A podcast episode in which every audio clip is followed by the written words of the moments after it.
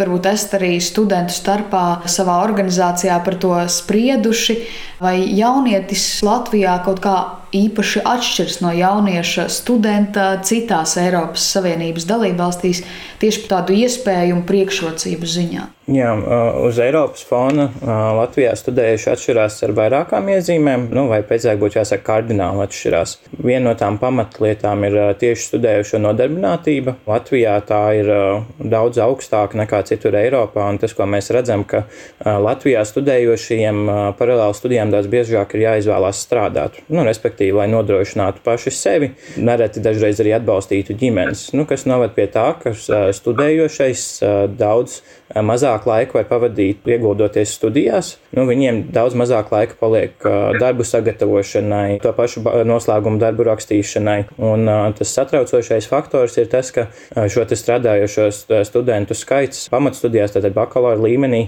patiesībā gadu no gada ir pieaudzis. Un, nu, tas parādās Eiro studentu pētījumos, kas tiek veikti tik pēc pāris gadiem.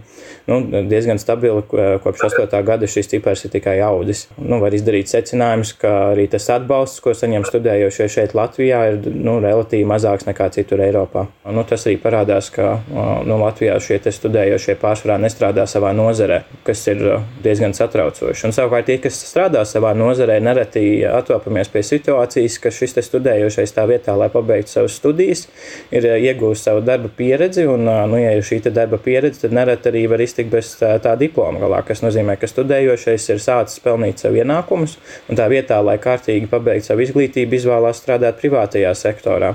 Kas, protams, no šī cilvēka puses ir diezgan vienkāršs aprēķins, bet, ja mēs skatāmies tīri tā uz valsts attīstību ilgtermiņā, tad nu, izglītība un iegūta izglītība korelē ar ļoti daudz pozitīvām lietām. Tie ir zemāki veselības izdevumi, lielāka noturība pret dezinformāciju, augstāka piedalīšanās vēlēšanās un tam līdzīgi. Kura izglītībā ir dalībvalsts Eiropā, kas ir priekšzīmīga citām?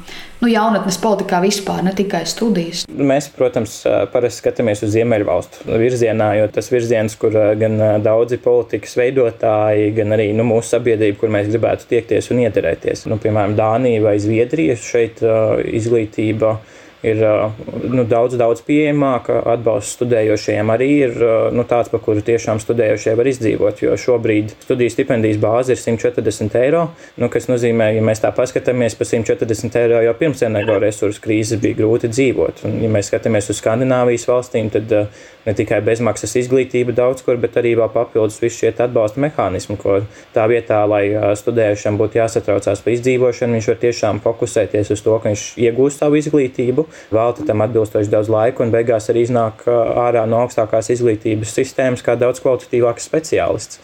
Nu, var arī domāt par atsevišķām Mācijas provincēm. Viņiem katrā sava nedaudz sistēma. Nu, Vācija, Ziemeļvalstis droši vien ir tas virziens, kurā vajadzētu skatīties mūsu politikas veidotājiem.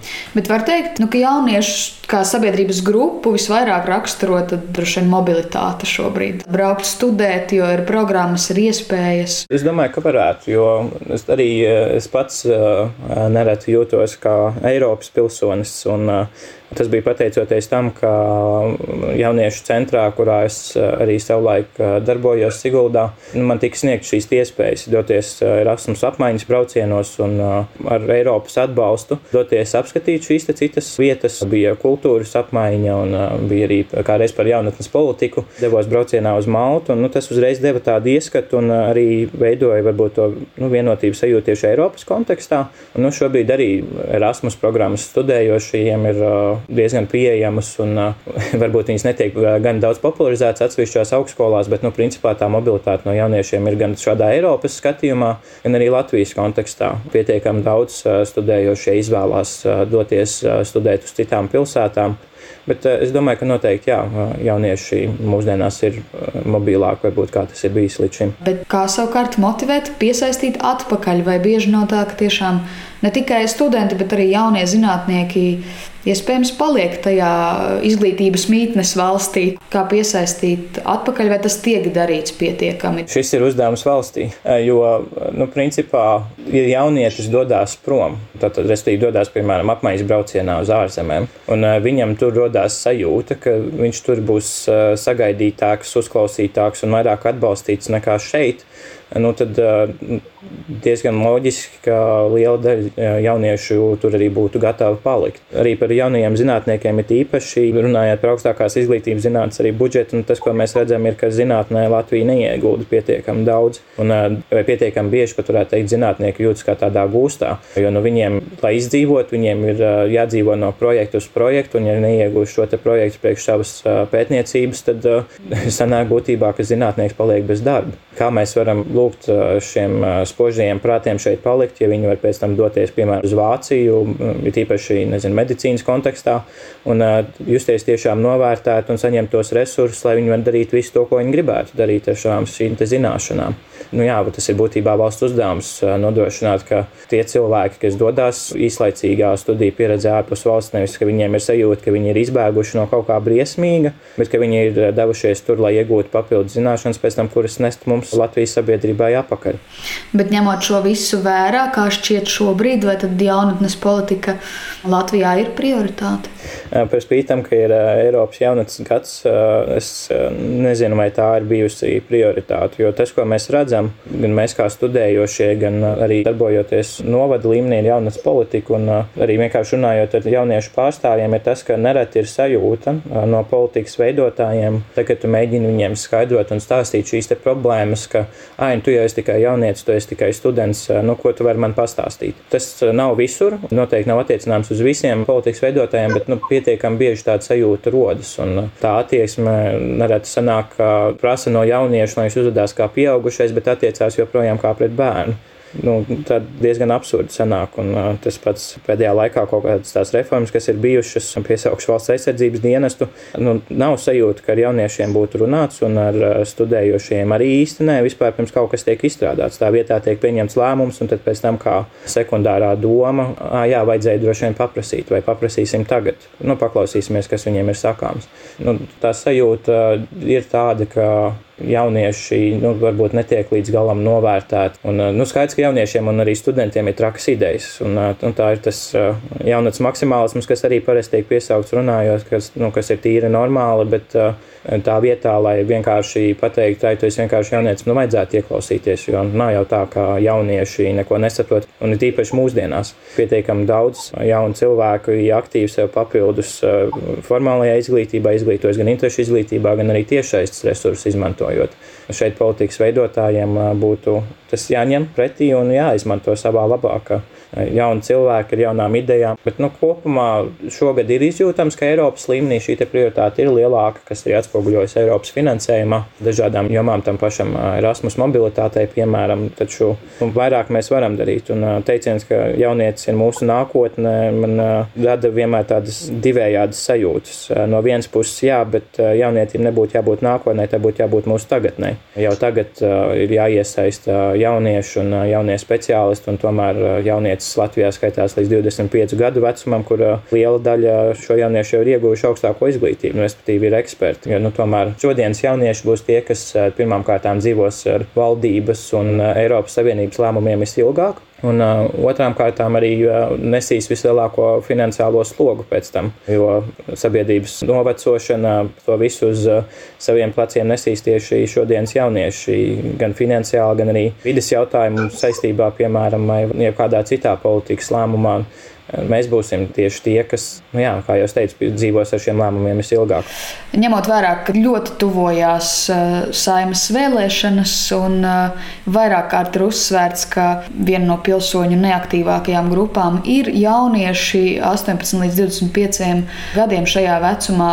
Kāpēc tā ir? Vai arī jaunieši ir politiski neaktīvi visur Eiropā? Politiskā aktivitāte vispār ir problēma šobrīd visur pasaulē, bet arī tā skaitā tieši jauniešu sfērā. Nu, šeit droši vien ir tas, ka, ja viņam apkārt pirmām kārtām ir vecāki stāsti, ka valdība ir slikti un saimā neviens neko nedara, pēc tam tu aizēji uz skolu un pretī sēž skolotājs, kurš nedod dievu stāstu kaut ko tam līdzīgu, vai nav motivēts, vai tu ej uz skolu, kurā nav resursi, kas tev ir nepieciešami. Ja tu pēc tam atgriezies apakaļ mājās, mājās un nezinu, jāsēž ar augstumā, tāpēc ka vecāki nevar nomaksāt rēķinus, vai tagad ar energoresursu krīzi, vai nu, tam līdzīgi, kā mēs varam sagaidīt, ka jaunietis būs ieinteresēts piedalīties vēlēšanās, ja viņam apkārt ir visu laiku šī rezonance, ka viss ir slikti, neviens neko nedara, nekas nenotiek. Ja tas apkārt visu laiku skan, tad jaunietim jau nolaižās rokas, un tajā pašā brīdī, kad pat tad, ja jaunietis grib būt aktīvs un izvēlās iesaistīties sākumā visticamāk skolas līmenī vai pēc tam novada līmenī, grib iesaistīties šajā oficiāla politikas veidošanā, praktiski tā var būt pasākuma veidošana vai, nezinu, publiskā apspriešana vai